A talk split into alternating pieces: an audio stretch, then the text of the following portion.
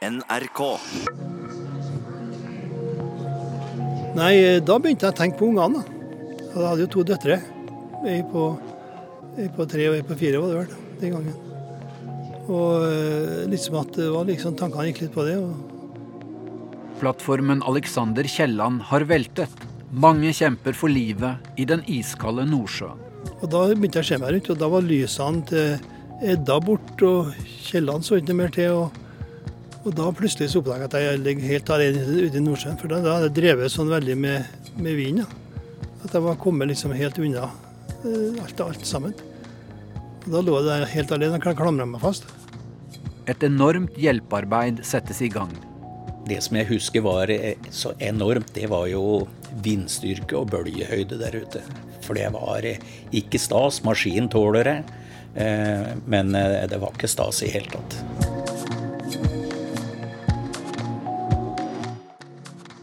Du hører på hele historien om Alexander Kielland, oljeplattformen som veltet. Av Edvard Hambro. Del to av tre.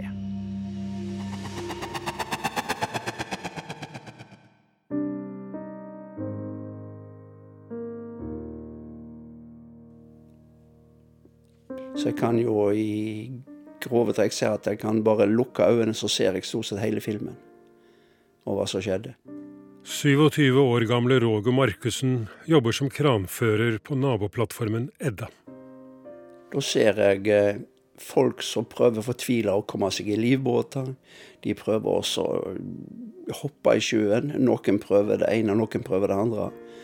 En del folk var litt mer sånn at de prøvde å klatre til det høyeste punktet og håpte sikkert i det lengste at han ikke tippa helt rundt. Men når de siste vaierne sleit, og så holdt det skaftet som lå opp var det høyeste, da, da datt jo alle de òg.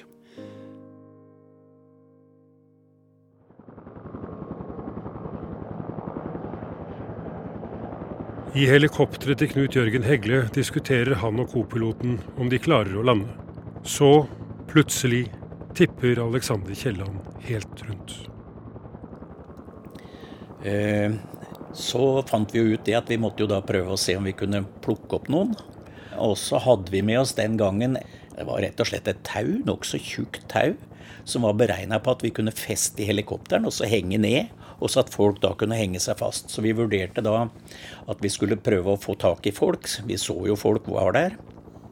Og at de kunne ta tak i det tauet, og så kunne vi rett og slett løfte de opp på Edda. For det er ikke lenger tid enn at eh, de hadde greid å holde seg fast. Så gikk Paul bak og så begynte å skulle slippe ut det her tauet. Og da blåste det jo så enormt at tauet det gikk jo ikke ned, det gikk jo rett bak. Og så kommer Paul fram og sier at hvis vi slipper ut dette tauet, så går det rett i halerotoren. Og da er ikke vi mer heller, så det er ikke noe hjelp for oss. Så vi dro inn tauet og heiv det i bagasjerommet. Og så fortalte vi dette til Ekofisk, og så sier dem kan dere da gå rundt og se hvor det er folk hen. Eh, og, og, da hadde vi jo kontakt med, med Ekofisk-senteret. Og for å få til å se hvor folk var hen, så måtte vi gå nokså lavt. Så vi var jo nesten i bølgehøyde.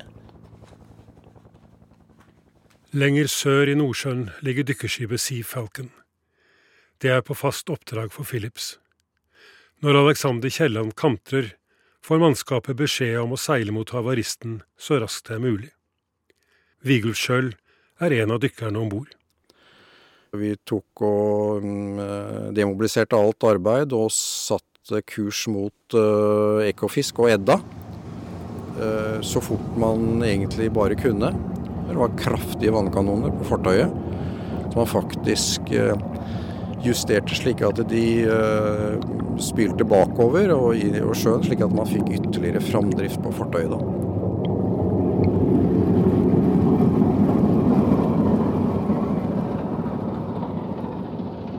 På Sola redningssentral er det slått full alarm. Arne Hoel Gravdal leder redningsarbeidet. Et av problemene var det at det var relativt dårlig vær. Uh, ulykken var akutt i det øyeblikket det skjedde, nærmest. Altså, det tok jo bare ca. 20 minutter før uh, plattformen gikk rundt.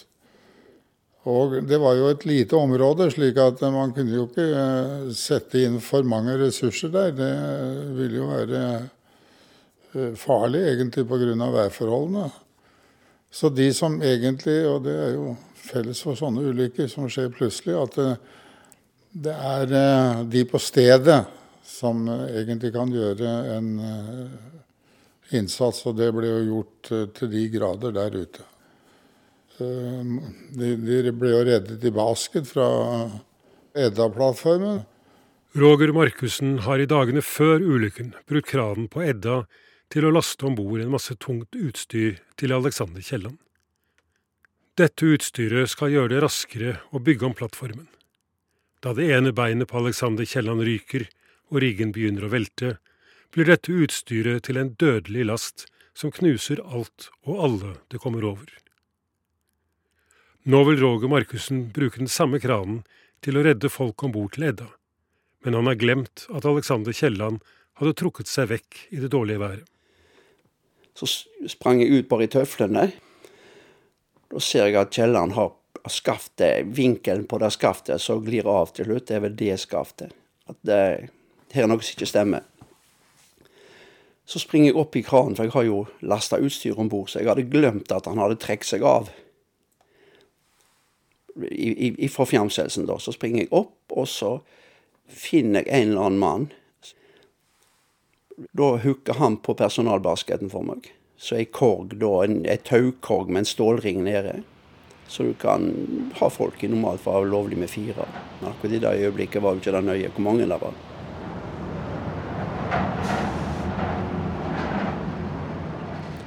Så svinger jeg ut, og så ser jeg at det rekker jo ikke om bord. Jeg ble litt deprimert der og da, men jeg ser det var allerede kom folk i sjøen. Så da ser jeg jo folk som kommer i sjøen, og det er jo ti meter sjø. Og jeg prøver å holde basketen i samme høyden som bølgene, opp og ned, opp og ned. Ola Gaustad er en av de heldige som har fått på seg en overlevningsdrakt før han hoppet i sjøen. Så begynte jeg å svømme, så jeg basketen ble heist ned fra Edda, fra krana der. Så jeg tenkte jeg må komme meg dit. Og begynte å svømme dit. Det var tungt å svømme i drakten, og så ble den mer og mer full av vann. Og det var jo trasig.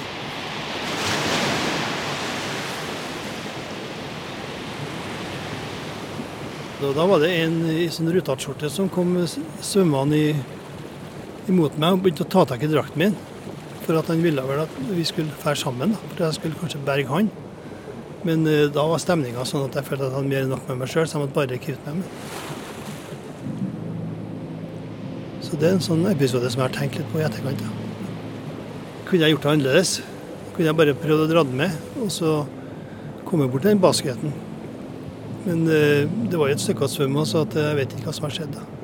Han var jo bare tynnkledd, så han frøs jo sikkert. Men jeg vet ikke hva som skjedde med han.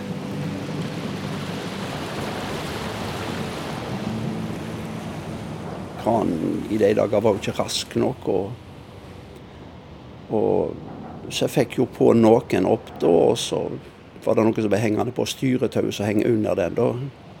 Og noen av de datt jo av på veien opp, og noen traff jo rekkverket på kjøkkenrampen, husker jeg.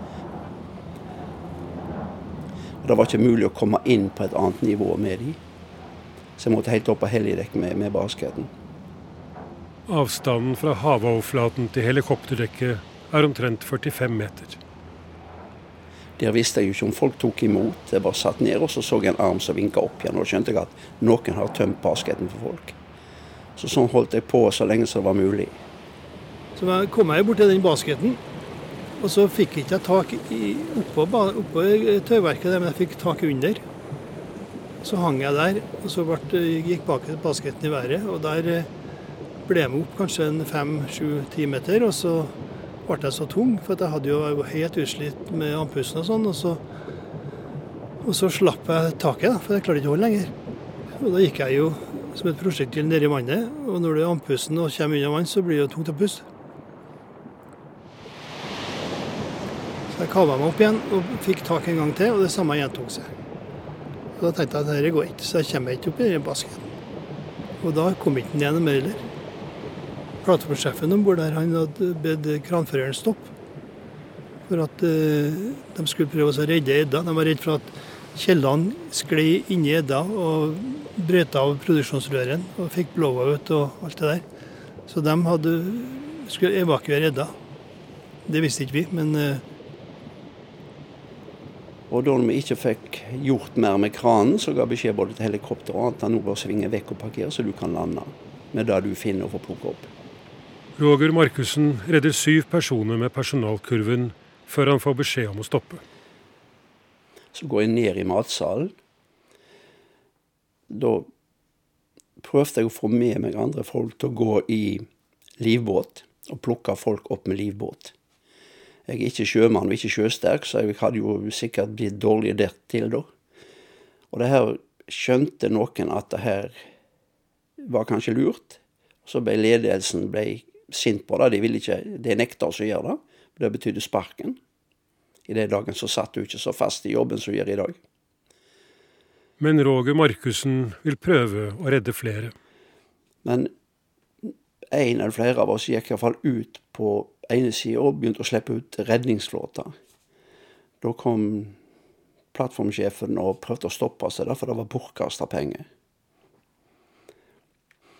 Og det er vel ikke jeg sterk, og ikke jeg pleier å bli normalt sint, men da ble jeg sint og trykte han til veggen og sa at ett ord til, så for han på sjøen han òg, for nå var det nok. Her skulle vi berge det vi kunne, om det var bare én mann.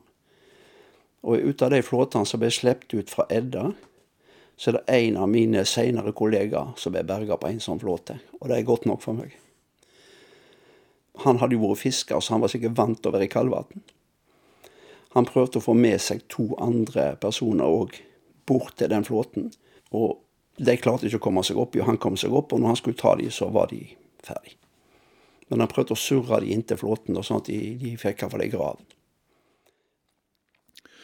Når jeg ligger i vannet der, så uh, kikker meg rundt, så Anders Helliksen hopper i havet, kun iført underbukse og svømmevest.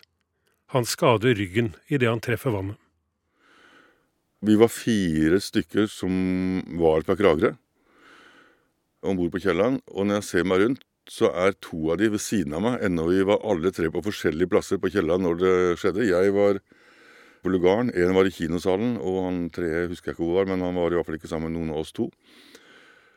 Eh, så ser vi en, eh, en livbåt som ligger litt litt bortafor oss, så vi ble enige om, jeg og han ene om å svømme bort dit. Når vi kommer bort dit, så er det en åpen pickup-livbåt som er full av vann. Og det blåste jo storm. Det var mellom sju og ni meter bølger, men vi kommer oss om bord i den. Jeg i underbuksa og den vinden, så ble, det var veldig kaldt. Så vi ble enige om å bare hoppe i sjøen igjen, for vi så en 20 meter bortafor som vi mente var sånn overbygd. Vi hopper i sjøen og svømmer bort til den. Eh, og det er en ordentlig livbåt, men den er velta. Når vi kommer bort dit, så da er jeg så nedkjølt at jeg klarer ikke eh, å være med og hjelpe å snu den. Og da tenker jeg at nå er det slutt. Rundt de livbåtene så henger det sånn tau rundt hele sida.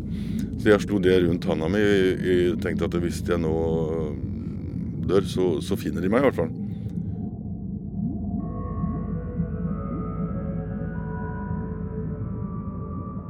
Harry Vike havner også i sjøen. Han forsvinner ned i dypet, men berges av redningsvesten. Og så ble jeg dratt ned en gang til. Ikke så dypt denne gangen. Og så kom jeg opp. Jeg bare så langt borte en, en livbåt som lå.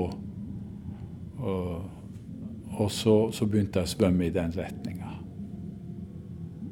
På veien dit så, så lå det en, en mann som, som, ikke kunne svømme. Han ropte 'hjelp, hjelp'. Og, og jeg hadde jo heldigvis redningsvesten og, og, og klarte å dra han med meg bort til denne livbåten. Og det viste seg at det var den livbåten som jeg hadde vært i tidligere. Den lå vel å merke med, med kjølen i været. Så det var folk inni, og en ja, 15-20 personer på yttersida som, som, lå og klamra seg til, til båten.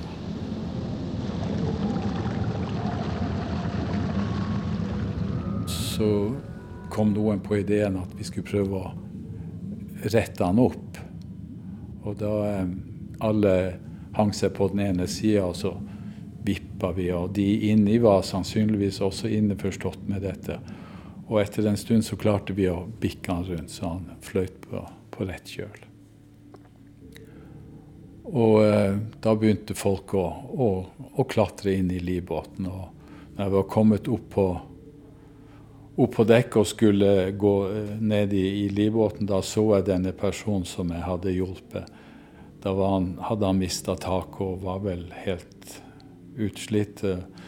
Og det eneste jeg da gjorde, det var å ta meg livvesten og, og kaste til han. Og, og så klatra inn i båten. Og om han fikk tak i den, det, det vet jeg ikke.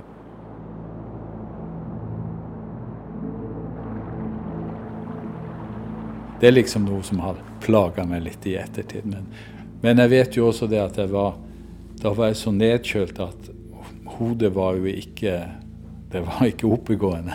Jeg var helt Jeg gjorde, gjorde mye rart da, for jeg skulle bruke radioen for å kommunisere med at med Ekofisk-senteret om at vi var kommet om bord og var så og så mange. Men da gjorde jeg så mye tull med den radioen at ja. ja.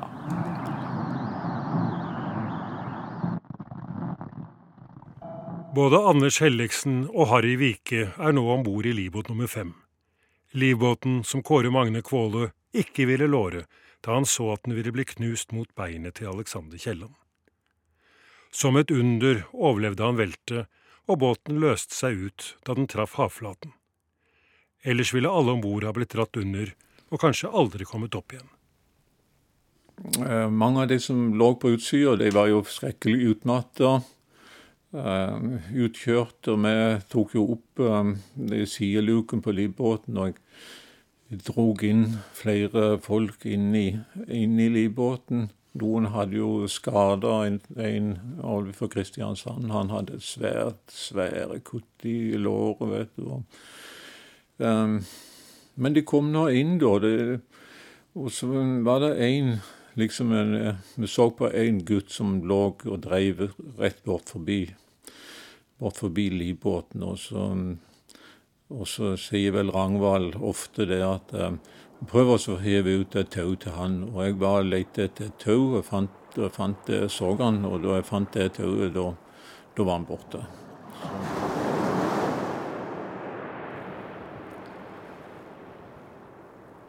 Men til slutt så hadde vi dratt inn eh, mange folk inn i livbåten, og det var jo over 30 stykker som kom i den livbåten. Det var noen som, eh, som prøvde å starte noe om det, men, eh, men, det ble jo så mye røyk inni, og sånn så ble bare stoppa at det fikk de ikke lov til. Og det var jo nokså kaos inni der. Folk spydde, og noen frøs selvfølgelig. Men det var jo, bølgene har jo vært oppe i åtte meter, så det var veldig sånn tøy, tung sjø og kraftig vind. Ola Gaustad gir opp forsøket på å komme seg opp i personalkurven til Edda-plattformen. Da begynte jeg å se meg rundt, og da så jeg jo helikopter i lufta, og jeg så i hvert fall to supply-båter, tror jeg. Så jeg tenkte at dette går jo bra. Jeg blir jo redda av en eller annen system her. Jeg hadde jo drakten som jeg var fornøyd med og sånne ting. Og så så jeg at kasta ned en sånn taugleder fra Edda. Og Da tenkte jeg hvis jeg kommer bort til den tauglederen, så skal jeg klare å klatre opp i den. Men når jeg kom nærme den tauglederen, så viste det seg at stormen holdt den jo langt bort ifra, ifra havflata. Sikkert en fire meter. Så da jeg kom under der, så var det ikke i nærheten av å få tak i den. For vinden tok den så kraftig. Så det var en tabbe med den patenten. Det skulle ha vært noe lodd i bunnen her. Så jeg ga opp det, og så kava jeg meg videre bortover. og da kom det en, en flåte som ikke var pakka ut. Hvite plastikken rundt var borte, men det var liksom den svarte plastikken av selve flåta som var der. Så prøvde jeg så å åpne den, men det, det klarte ikke jeg. Når jeg holdt på med det der, så så, så jeg komme en sånn livbåt med baugen opp. da. Og Da lå det fem mann oppå hvelvet der og klamra seg fast. Og Da hørte jeg ene køka han har flåte, han har flåte. Men de kom ikke mot meg. da. Vi var et stykke fra hverandre. Og så kom det en kjempebølge og feide over den, eh, den, båten med de fem karene der. Og da eh, når den liksom, bølgen hadde gått, så var det kanskje bare to eller tre igjen på, på, på der. Så jeg bare for videre. Og da var det en supplybåt som dukka opp. Og, og, da hadde jeg nett på sida. Jeg fikk tak i det nettet. Men den lå jo og svingte veldig frem og tilbake. Så hang jeg fast der. Men så mista jeg taket og for ned langs skuddsida. Og da, da, så jeg folk om bord der som prøvde å ta meg, altså. Men eh, de klarte ikke det, for det var glatt. Det var ikke noe håndtak på den drakten. Det tror jeg det er nå. På nye drakter. Og der så for jeg ned i sjøen, og samme gjentok seg. Mista pusten helt og kom opp. Og da var faktisk supplybåten bort, for da var den kommet på den andre sida av en svær bølge. Så jeg så ikke den mer heller. Og da var det liksom den var ikke mer glede i den. Og da lå jeg der og så kava med, si, med beina ned og hodet opp. Og så hver gang det kom bølger, så ble jeg under vann. Så etter hvert så la jeg meg mer sånn i stabilt leie, at jeg lå vannrett. Og da berga jeg mer unna bølgene. For det var jo god flyteevne i drakten. Og, så etter hvert så det, kom det en sånn en, Hva skal jeg si En, en lem da, som kom flytende. Så jeg fikk tak i den. Og begynte å kave meg innpå den. Og da begynte jeg å se meg rundt, og da var lysene til Edda borte, og Kielland så ikke mer til. Og, og da plutselig så oppdaga jeg at jeg ligger helt alene ute i Nordsjøen. For da, da hadde jeg drevet sånn veldig med, med vind. Ja. At jeg var kommet liksom helt unna uh, alt, alt sammen. Og da lå jeg der helt alene og klamra meg fast.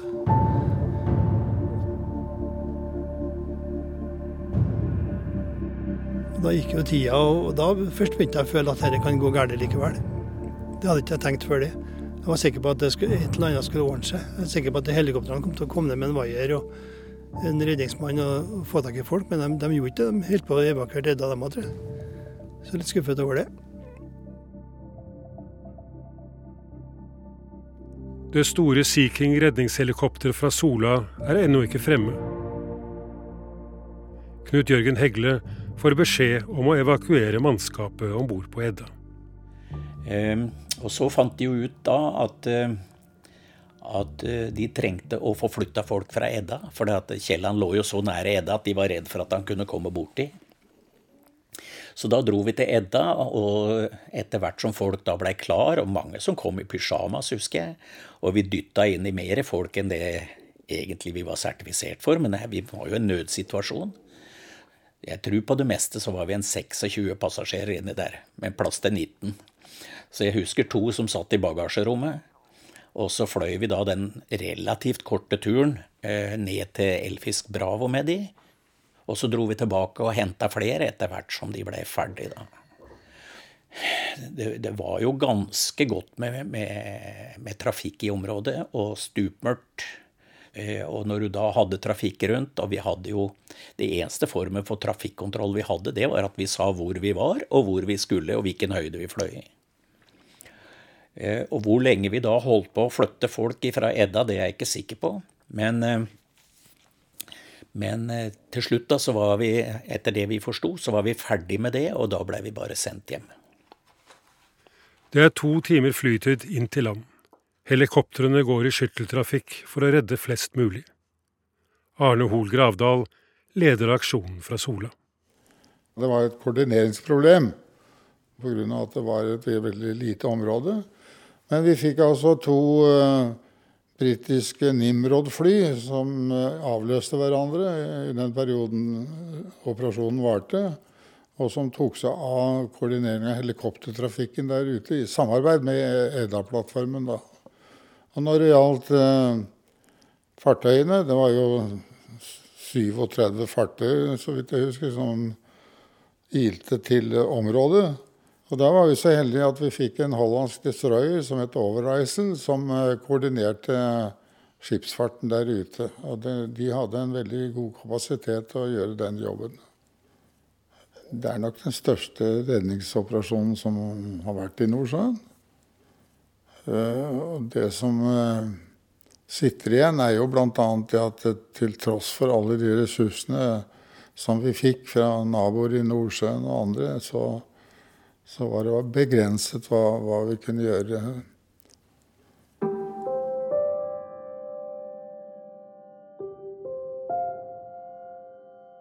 På land sitter venner og slektninger av oljearbeiderne uten anelse om hva som har skjedd, før Dagsrevyen kom med sin første ekstrasending klokken 21.30.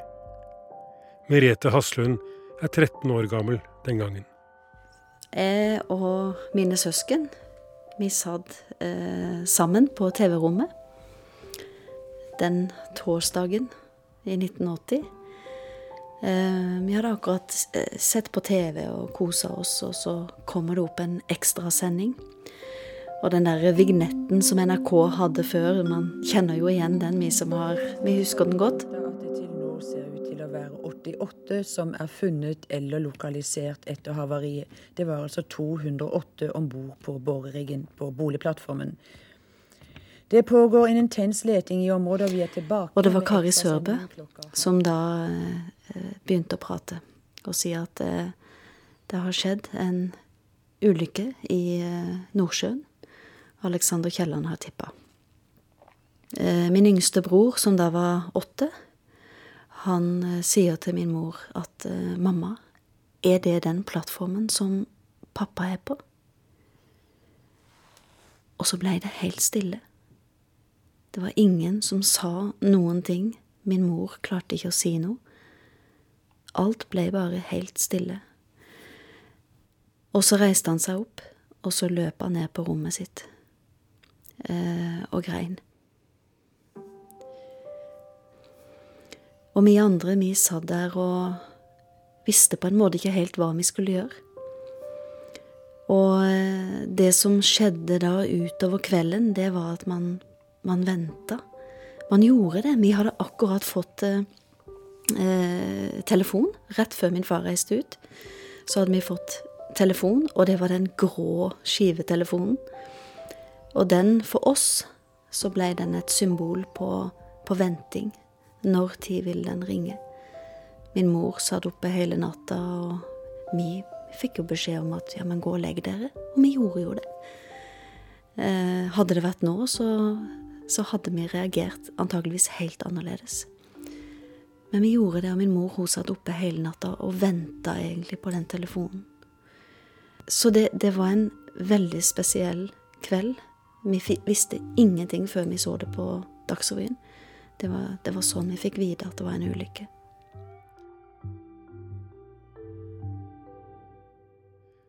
Hjemme hos Harry Vike har de verken TV eller telefon. Kona hans Grete har akkurat lagt Steinar på to måneder når hun hører nyheten på radio.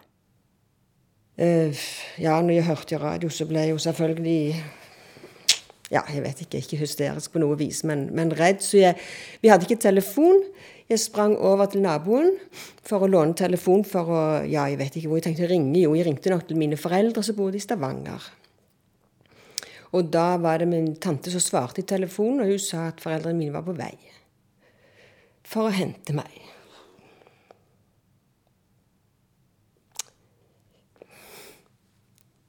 Det er litt vanskelig å snakke om. Det er litt rart. Så vi tok det viktigste til Steinar, lille babyen. Og jeg tok med det viktigste, og så dro vi til byen da, og hjem til de, hvor min tante òg var. For å passe på telefonen om noen skulle ringe. Men det var jo ingen som ringte. Jeg ble nå hos mor og far, og vi fulgte vel egentlig litt med på TV og hørte på radio. og de fortalte jo fortløpende hva som de kunne rapportere om ulykken. Og etter hvert når klokken ble kanskje, jeg vet ikke, midnatt, så begynte de å snakke om at folk fikk lov å ringe hjem. De som hadde overlevd, de som de hadde kontroll på. Men vi hørte jo ikke noe. Det tok veldig lang tid, så radioen spilte sørgemusikk. Det syntes jeg var grusomt klassisk trist musikk for å jeg vet ikke hva, for å få tid til å gå.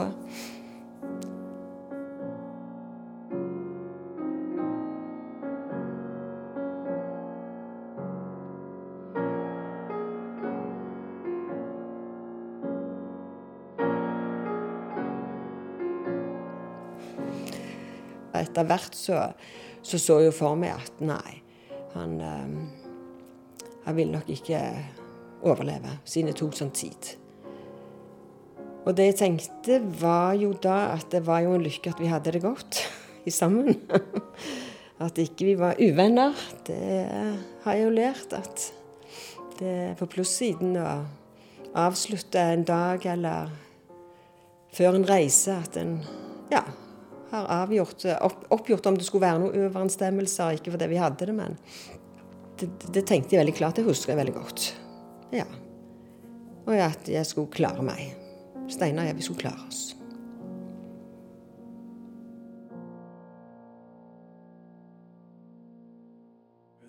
Den torsdagen der, eh, det var, altså, det var torsdagen før pal palmehelga. Eh, da skulle meg og min høygravide kone vi skulle reise tilbake til Stavanger. Eh, jeg hadde snakket med mor mi på telefon et par dager før, og hun fortalte at Rolf skulle være hjemme i påsken. Altså Det var mot opplegget. Rolf er broren til Kian Remø. Mens Rolf jobber som oljearbeider i Nordsjøen, er Kian nettopp blitt ferdig med teologistudiet. Og så får vi denne meldingen på Dagsrevyen. Denne veldig rare, korte meldinga først eh, om en større ulykke i Nordsjøen. Eh, jeg ringer nå hjem for sikkerhets skyld, selv om jeg altså visste jo at Rolf skulle være hjemme i påsken. Men jeg ringte nå hjem, og der var det søstera mi som tok telefonen. og hun fortalte ganske enkelt at Rolf hadde reist ut samme dagen på et ekstra oppdrag. Men hun visste ingenting om hvor han skulle hen, og om han hadde noe med Kielland å gjøre. Ingen av oss visste noe konkret om det. Eh, men det gjorde jo at vi ble urolige, og neste morgen kjørte vi altså siste strekket hjem. Og, og, og, kom hjem og fikk altså vite at han hadde, var savna. Han hadde ikke gitt lyd fra seg. Så det var en uh, Det var en veldig sjokkarta tid som jeg husker nærmest som et slags mareritt. Utpå natta er helikopteret til Svein Arne Hapnes endelig klart til å lette fra Sola og fly ut til Alexander Kielland. Eh, altså, da er vi jo seks uh, mann på en Sea King. Da, to piloter, og en navigatør eller systemoperatør, og da en maskinist, en redningsmann og en, en doktor. På det meste er det elleve helikoptre i luften samtidig, og de første overlevende er allerede kommet i land.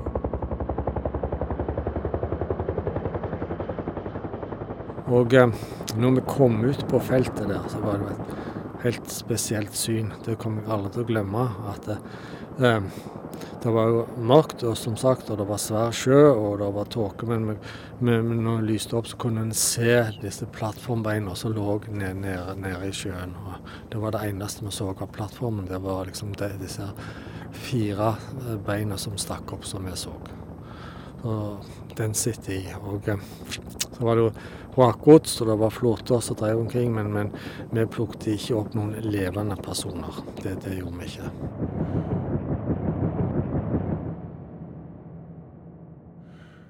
Det ble veldig tyst i helikopteret, og alle liksom ja, på en måte satt med, med, med, med sine, sine, tanker om å være helt overvelda, alle, det tror jeg må kunne si, av, av situasjonen.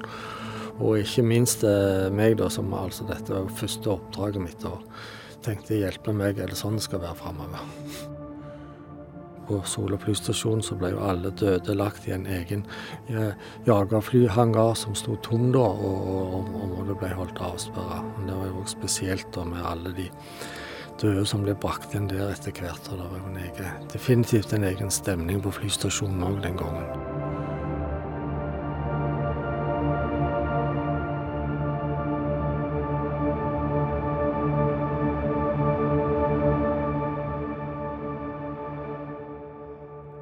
Om bord i livbåt nummer fem hører de helikopteret fly rundt og lete etter overlevende, men de vet at de selv må vente.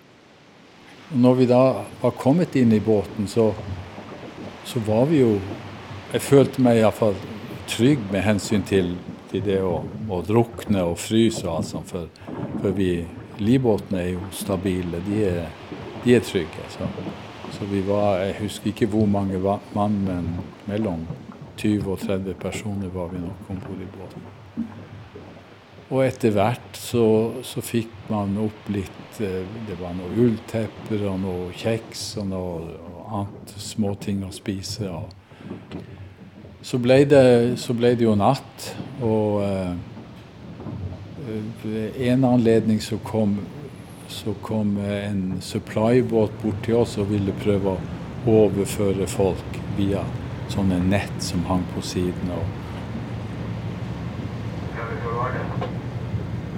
Eh, vi får kontakt med den via VHF-en og blir enige om at de skal legge seg opp på sida vår, og så skal vi gå om bord der. Så prøver vi én gang. Da har vi ni, seks, syv, åtte, ni stykker eh, som går på taket på livbåten, og nordmann skipper skal nærme seg. Men det er jo så høye bølger at eh, vi bommer litt. Grann. Så nordmann skipper kommer altfor nær oss og smeller inn i oss, og vi sprekker taket. Så de må gå en lang runde igjen, og så blir de skal prøve en gang til. Også Kåre Magne Kvåle bestemmer seg for å hoppe om bord i supply-båten Norman Skipper.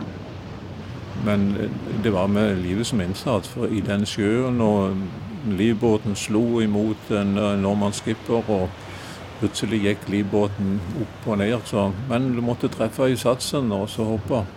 Så det, det gjorde man noen stykker som hoppet over på skipper, og da var vi for så vidt med i sikkerhet. Og Når de kommer tilbake neste gang, da treffer vi på bølga. Så da er vi høyt oppe med livbåten, og Nordmann Skipper er da i bunnen av bølga. Så vi alle som var på taket, vi klarer å hoppe fra livbåten, og så har de hengt ut ja, Hvis du tenker deg sånne enorme fiskegarn av ordentlig tjukt tau, har de hengt på skuddsida. Så vi hopper og får tak i, i det garnet, alle sammen. Og så står mannskapet der og drar oss om bord. Eh, så når vi kom om bord i Norman Skipper, så, så, var det noen som ble veldig sjøsyke. Men uh, iallfall to av oss, husker jeg, vi, uh, vi fikk oss noe mat og fikk tøy. Vi fikk lånt tøy av mannskapet. Og så var vi med på broa og, og leita og søkte etter, ja, etter overlevende først, da, men etter hvert så ble det jo, ble det jo ikke det.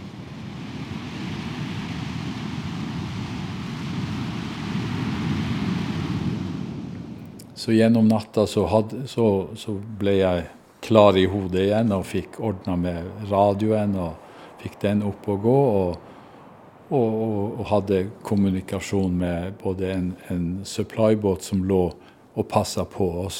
Han lå i nærheten hele tiden. Også, også med Ekofisk-senteret.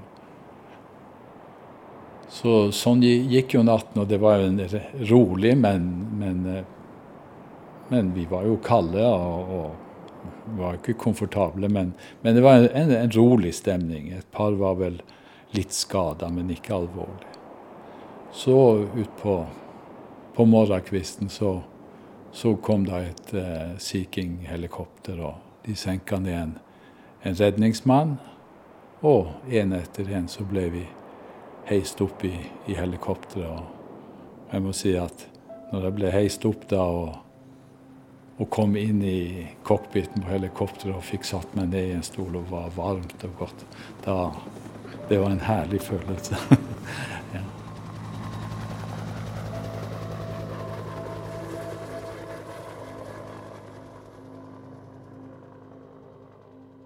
Merete Haslund og familien hennes har sett på nyhetene at riggen har veltet. Men de vet ennå ikke om faren hennes har overlevd. Hun husker tilbake på den dagen da han dro ut på Alexander Kielland. Og så, eh, etter en liten uke da, så skulle han ut. Og så eh, på kvelden så ga vi han 14 klemmer hver. Fordi at han skulle være ute i 14 dager. Og så eh, husker jeg på morgenen så jeg, jeg, var vant til at min far reiste. Så eh, vi, vi var vant til at han kom og gikk. Men akkurat den morgenen så våkna jeg klokka fem idet han skulle dra. Sto opp og måtte gi han én ekstra klem før han dro. Og det tror jeg ikke at jeg hadde tenkt på hvis det var sånn at min far hadde overlevd. Jeg tror ikke jeg hadde tenkt sånn på det da. Men jeg tenker på det nå i ettertid. At det var akkurat det vi gjorde. Vi, vi, det var en avskjed. Og så kom den torsdagen, da. Og så eh, satt vi der.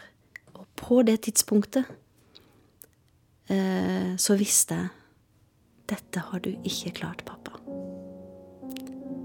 Det visste jeg.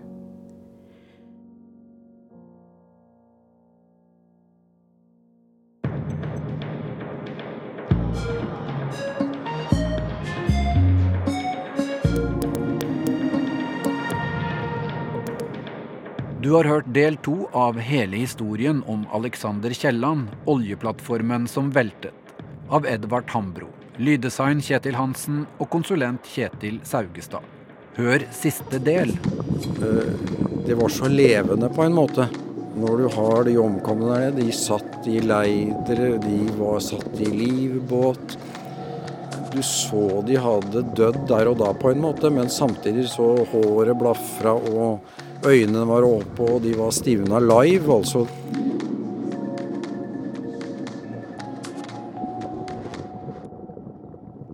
Konoko Phillips ønsker ikke å kommentere detaljer eller påstander i denne dokumentaren, men viser til at tragedien er grundig belyst i offentlige granskninger. NRK.